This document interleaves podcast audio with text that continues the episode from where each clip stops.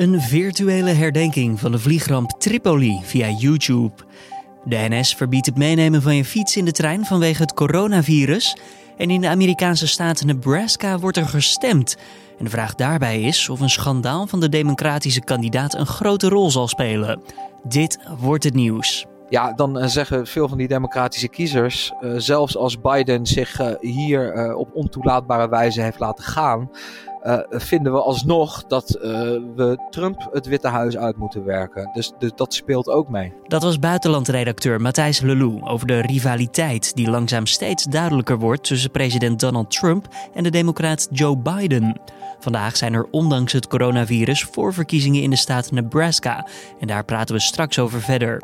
Eerst kort het belangrijkste nieuws van nu. Mijn naam is Julian Dom en het is vandaag dinsdag 12 mei. Het Veiligheidsberaad, waarin de 25 voorzitters van alle veiligheidsregio's zitten, heeft het vertrouwen geuit in het gedrag van de burgers, zodra op 1 juni de terrassen vermoedelijk weer opengaan. Dat zegt voorzitter Hubert Bruls. Nederland heeft zich fantastisch gedragen, aldus Bruls. Ook heeft de voorzitter geen zorgen over dat het drukker wordt op straat.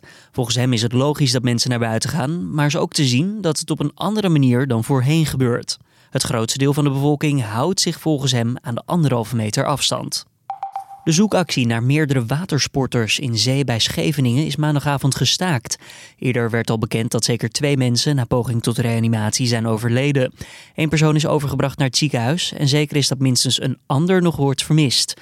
Er zouden daarnaast nog twee watersporters in zee gespot zijn, maar het zou ook mogelijk zijn dat zij zelf al uit het water zijn gekomen. Ochtends wordt de zoekactie bij daglicht hervat. Elon Musk heeft zijn Tesla-fabriek in de Amerikaanse staat Californië maandag weer geopend. Een besluit waar de lokale autoriteiten het niet eens mee waren. Musk heeft op Twitter laten weten bereid te zijn om gearresteerd te worden. Fabrieken mogen in de staat Californië langzaam maar zeker weer opgestart worden, maar de gemeente waar de Tesla-fabriek staat zet een streep door de heropening. Beide partijen zijn met elkaar in gesprek over een oplossing. Nu de horeca binnenkort mogelijk voorzichtig weer kan opstarten, zijn de eerste richtlijnen die voor een veilige situatie moeten zorgen uitgelekt. Zo krijgen gasten, net als bij de kapper of de nagelsalon, eerst te maken met een controlegesprek. Heeft iemand bijvoorbeeld last van verkoudheid? Dat blijkt uit de richtlijnen van Koninklijke Horeca Nederland aan hun leden, die zijn ingezien door RTL Nieuws. Er is enkel plek in de horecagelegenheden voor gasten die een reservering hebben gemaakt en bij twijfel over de gezondheid van een persoon kan deze geweigerd worden. Dan ons onderwerp van vandaag waar we je graag over willen bijpraten: de Amerikaanse voorverkiezingen.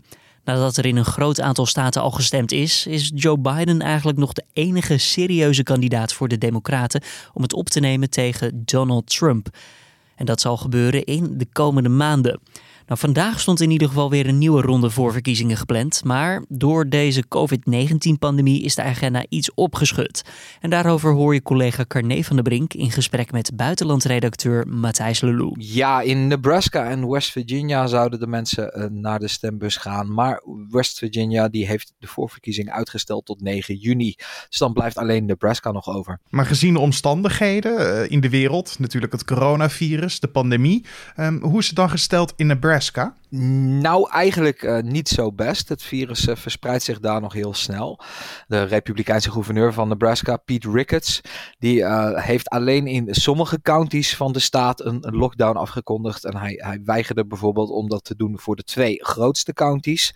Er staan in Nebraska een paar grote vleesfabrieken. We hebben in de afgelopen weken hebben we gehoord hoe die in, in, in heel de VS zijn uitgegroeid tot, tot coronabrandhaarden in, uh, in veel staten. Uh, en toch gingen er begin deze maand in twee derde van uh, de staten weer restaurants open. En mochten kappers en tatoeëerders weer aan de slag. En ook kerkdiensten die mochten weer. Dus het is een beetje een, een gespleten beeld. Maar je kunt eigenlijk wel vaststellen dat het coronavirus nog niet klaar is met Nebraska. Met de omstandigheden die jij net schetste, zou je denken, we stellen het uit. zoals ook andere staten doen. weten wij waarom ze hier niet voor hebben gekozen? Ja, dat zal eenzelfde soort overweging overweging zijn geweest die ten grondslag ligt aan het besluit om al die bedrijven weer te laten openen. er zijn wel wat voorzorgsmaatregelen genomen. Er zijn minder stemlokalen dan normaal. en alle medewerkers in die stemlokalen die krijgen beschermende kleding. En dingen zoals kieshokjes en, en, en stembussen en zo, die zullen regelmatig met desinfecterende middelen worden behandeld. En eh, zo hopen ze om uh, ja, die voorverkiezing toch uh, op een ordelijke wijze af te ronden. Um, en dan is er natuurlijk ook nog een stemmen per post. En dat heeft in aanloop naar deze verkiezingen te midden van corona een aardige vlucht genomen. Stemmen per post is dus hot. Uh, maar als we het over het algemeen kijken naar de mogelijke opkomst van vandaag, uh, wat zijn dan de verwachtingen? Nou, je zou zeggen, en dat was aanvankelijk mijn inschatting, dat die opkomst wel eens veel lager zou, zijn dan, uh, zou kunnen zijn dan normaal. Maar tot mijn verbazing blijkt dat niet het geval. Eh, de regering van Nebraska die maakte eind vorige week bekend dat er al 390.000 eh, stembiljetten waren verstrekt voor stemmen per post. En meer dan de helft van die biljetten die was ook ingevuld en wel uh, alweer ingeleverd. En als je daarnaar kijkt, dus in totaal 390.000, dat komt dan wel in de buurt van de hoogste opkomst voor voorverkiezingen in Nebraska ooit. In 1972 was dat. En toen brachten 413.000 mensen een stem uit. Dus ondanks de corona lijken de Nebraskans toch wel geneigd om, om zich te laten horen. Joe Biden is natuurlijk de enige overgebleven presidentskandidaat voor de Democraten. Um, wat is dan het belang van vandaag? Dat uh, kun je je inderdaad afvragen. Um, ja, het is een uh, puntje dat gewoon nog moet. Uh, er moet in elke staat moet er een voorverkiezing worden gehouden. Dus zelfs als de kandidaat voor de partij eigenlijk al wel vaststaat, zal dat toch gewoon moeten gebeuren. het gaat natuurlijk vaak niet alleen om democratische kandidaten. Uh, er worden op hetzelfde moment op regionaal en lokaal niveau ook uh, vaak verkiezingen gehouden voor allerlei functies, zoals bijvoorbeeld rechters. Dus vaak valt er nog wel wat meer te kiezen. maar ja, voor die landelijke race, je merkt dat het bijvoorbeeld ook de Amerikaanse media niet meer zo boeit waar die normaal gesproken elk detail van de uitslagen van voorverkiezingen zouden analyseren, hebben ze het nu uh, eigenlijk veel te druk met het coronavirus. Dus uh, vaak uh, CNN die houdt dan rond een uurtje of tien s'avonds wel weer op met de berichtgeving over een voorverkiezing. En dan is het over naar de orde van de dag. Nu Biden de rest van zich af heeft geslagen en als enige nog over is, zou je denken dat hij nu ook vol in zijn campagnemodus zit? Echter steekt het coronavirus daar ook een, een flinke stokje voor, hè? Ja, uh, kijk, uh, minder aandacht voor die voorverkiezingen is automatisch ook minder aandacht voor Joe Biden. Hij heeft als, als kandidaat to be natuurlijk ook geen rol in de regering. Dus bij het bestrijden van de coronacrisis is het heel moeilijk om daar dan tussen te komen. Dan gaat natuurlijk alle aandacht uit naar het Witte Huis. Dus ja, het zijn, zijn lastige tijden voor, voor een kandidaat. En het valt nog eventjes te bezien hoe in de komende maanden, als de campagne echt uh, op gang moet komen, hoe Biden dat dan gaat oplossen. Dat probleem dat geldt natuurlijk ook een beetje voor Donald Trump. Want die moet het normaal gesproken vooral hebben van die enorme massa-rallies. Hè, met duizenden van zijn aanhangers die dan bijeenkomen om hem aan te horen. Dat zal ook minder zijn. Maar uh, de president die stuurt inmiddels alweer aardig aan op heropening. Dus die zal naar verwachting uh, ook op korte termijn wel weer aanvoeren dat zo'n politieke rally dan ook weer kan. Uh, de democraat die zal zich waarschijnlijk voorzichtiger opstellen. En dan is het eventjes de vraag waar Biden zichzelf dan in de kijker kan spelen. Maar zijn onzichtbaarheid zou ook in zijn voordeel kunnen werken. Want iets waar veel mensen van dachten wat grote problemen zou veroorzaken, was een eh, beschuldiging van seksueel misbruik door Biden. Even terug naar het begin. Wie zou hij hebben misbruikt en wanneer zou dit hebben plaatsgevonden? Nou, de beschuldiging in kwestie die is afkomstig van Tara Reid. Dat is een vrouw die uh, eh, 30 jaar geleden voor Biden werkte toen hij senator was voor de staat Delaware.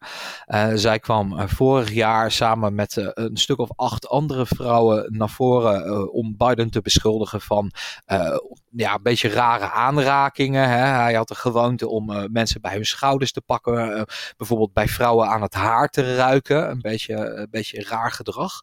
Um, en uh, Reed die kwam uh, een jaar later, uh, in, in maart, kwam zij met een aanvullende beschuldiging. En zij zegt dat Biden haar in 1993 in het Capitool in Washington tegen een muur aanduwde en haar daar aanrandde. Natuurlijk is dat maar één kant van het verhaal. Als je het hele verhaal wil begrijpen, dan moet je beide kanten aanhoren. Zo wil je natuurlijk ook de kant en het verhaal van Joe Biden horen. Alleen zijn reactie liet best wel lang op zich wachten. Hè? Ja, het campagneteam van Biden uh, die liet uh, wel vrij snel nadat Reid met haar beschuldiging kwam uh, weten dat de kandidaat al, al, die beschuldigingen ontkent. Maar Biden zelf die liet zich daar toch enkele weken lang niet over horen. dat werd hem ook wel aangevreven door de linkerkant van de Democratische Partij en bijvoorbeeld vrouwenrechtenorganisaties. Die zeiden van ja, je moet toch echt met een reactie komen. Uiteindelijk deed Biden dat ook en hij ontkende die beschuldiging van Reid stelselmatig. Het is een moeilijk verhaal. Dat is natuurlijk altijd met beschuldigingen van seksueel misbruik. de New York Times die heeft uitgebreid onderzoek gedaan naar de beschuldigingen van Reed. En die kwamen ook een beetje op een, een gemengd beeld uit. Reed, die, er zijn een aantal mensen die zeggen dat Reed in de loop hen in de loop der jaren heeft verteld wat Biden zou hebben gedaan. Um, maar uh, er worden bijvoorbeeld ook een aantal mensen binnen de Democratische Partij genoemd door Reid. En die zeggen weer dat zij zich uh, helemaal niks kunnen herinneren. Dat, dat, dat zij zich niet kunnen herinneren dat Reid hen ooit heeft verteld over dat incident. Reid zei ook dat zij melding heeft gemaakt van dat incident. Maar daar is in de papieren tot nu toe niks over gevonden. Dus het, het, het blijft een, een moeilijk verhaal. Um, en daarbij komt dat uh, door de coronacrisis de aandacht er, er, eigenlijk ook niet echt op ligt. Ja, en door al het coronanieuws zal dit schandaal misschien minder opgepakt zijn of uh, ondergesneeuwd geraakt. Uh, maar kiezers hebben duidelijk nog geen streep door zijn kansen gezet, toch? Het sneeuwt onder en, en, en wat je zegt, wat heel erg opvalt, uh, is, er is uh, naar gepeild inmiddels uh, naar wat Amerikanen, wat democratische kiezers vinden van deze affaire. en daar komen een aantal opvallende dingen uit naar voren. Je ziet bijvoorbeeld dat een aantal democratische kiezers zegt van ja, we geloven Tara Reid op zich best wel, maar we zijn toch van plan om op Biden te stemmen straks. Dan zetten zij natuurlijk hè, Biden af tegen Donald Trump. Nou, Trump is zelf ook iemand die, nou ja, Trump, Biden is door één vrouw beschuldigd van seksueel misbruik. Bij uh, Donald Trump waren dat er minstens een tiental. Uh, Donald Trump die werd natuurlijk uh, op band vastgelegd toen hij iemand vertelde dat hij vrouwen het liefste bij het kruis greep. Ja, dan zeggen veel van die democratische kiezers, zelfs als Biden zich hier op ontoelaatbare wijze heeft laten gaan, uh, vinden we alsnog dat uh, we Trump het Witte Huis uit moeten werken. Dus, dus dat speelt ook mee. En zou dit komen omdat het Amerikaanse volk afgestompt is of uh, nou, misschien veel gewend is door hetgeen wat ze al hebben moeten meemaken met hun huidige president? Ja, je, je merkt wel dat, dat, die, dat die lijnen wat verschuiven. Natuurlijk voor de strijd van de baan als president van de Verenigde Staten een belangrijke functie, een van de belangrijkste in de wereld. Uh, moet je natuurlijk ook uh, steekpartijen van je tegenstander incasseren. Uh, zijn ze daar al druk mee bezig? Ja, dat is, dat is in volle gang. dat zie je nu met die kwestie Reed. En, en het coronavirus, dat overschaduwt dat nu natuurlijk. Hè. Daar is veel minder aandacht voor dan er normaal voor zou zijn. Maar het, het, het speelt wel. En het coronavirus komt ook nog eventjes de picture binnen als je kijkt naar uh, Trumps opstelling tegenover China. Trump die zegt uh, China die heeft schuld in de coronacrisis. Die hadden eerder moeten ingrijpen. de regering Trump die gaat nog veel verder. Minister van Buitenlandse Zaken Mike Pompeo die zei onlangs van ja dat coronavirus dat komt uit een Chinees biolab in Wuhan. Dat is daaruit ontsnapt en daarom draagt China direct schuld. Pompeo die zei dat daar bewijzen voor zijn, maar die bewijzen die zijn nog niet gepresenteerd door de regering Trump. Dus het spel wordt daar hard gespeeld. En uh, Trump die gebruikt dat ook tegen de Democraten. Want uh, eigenlijk wil hij dat Biden een, een keuze maakt tussen twee opties. Kijk, Biden die kan over Trump heen en die kan China nog harder aanvallen. Of hij kan China milder behandelen en dan wekt hij de indruk dat hij, hè, dat hij soft on China is. Dus dat hij niet, zich niet stoer genoeg opstelt richting China. En dat, dat zou die beide opties ja, die, die zouden niet heel positief voor Biden kunnen uitpakken. En Trump die, die probeert om Biden naar een van die beide opties te dwingen. Kijkend naar de wereld waarin we nu leven, de pandemie, de COVID-19-pandemie. Ehm, landen versoepelen al wat maatregelen, waaronder de Verenigde Staten. Vanwege de economische druk onder andere. Maar ja, het virus en alles eromheen, het valt bijna niet te plannen. Alles zit met los zand aan elkaar vast. Dat kan natuurlijk ook grote gevolgen hebben voor de verkiezingen in november. Weten we al hoe ze straks erop in gaan spelen? Of er eventueel een alternatief draaiboek is voor heel veel activiteiten? Nou, dat is een vraag die ze ook in Amerika nog niet hebben beantwoord. Uh, nou ja, neem een hele elementaire vraag van ja, hoe gaat dat straks uh, op, op de verkiezingsdag op 3 november? Um, ja, hoe gaat het met stemlokalen? Wordt er heel zwaar ingezet op stemmen per post? In sommige staten is dat al de standaard voor, uh, voor, voor, voor presidentsverkiezingen. Maar als je dat landelijk wil uitrollen, dan moet je ook wel echt op tijd beginnen om dat te plannen. Uh, deskundigen die uh, heel veel weten van stemmen per post, die zeggen van ja, je moet toch wel zes maanden van tevoren moet je dat allemaal gaan organiseren. En ja, dat punt dat, dat, dat nadert toch wel rap. Maar de, de Amerikaanse politiek die is er nog niet helemaal over uit hoe dat straks allemaal moet in november. Dat was buitenlandredacteur Matthijs Lelou in gesprek met collega Carne van der Brink. Dan nog even verder de nieuwsagenda voor deze dinsdag. Vandaag wordt de vliegramp in Tripoli herdacht. Precies tien jaar geleden crashte een vlucht van Afrika Airways van Johannesburg naar Amsterdam, vlak voor een tussenstop in Libië. 103 mensen kwamen om het leven, onder wie 70 Nederlanders. Alleen de toen 9-jarige Ruben overleefde de ramp.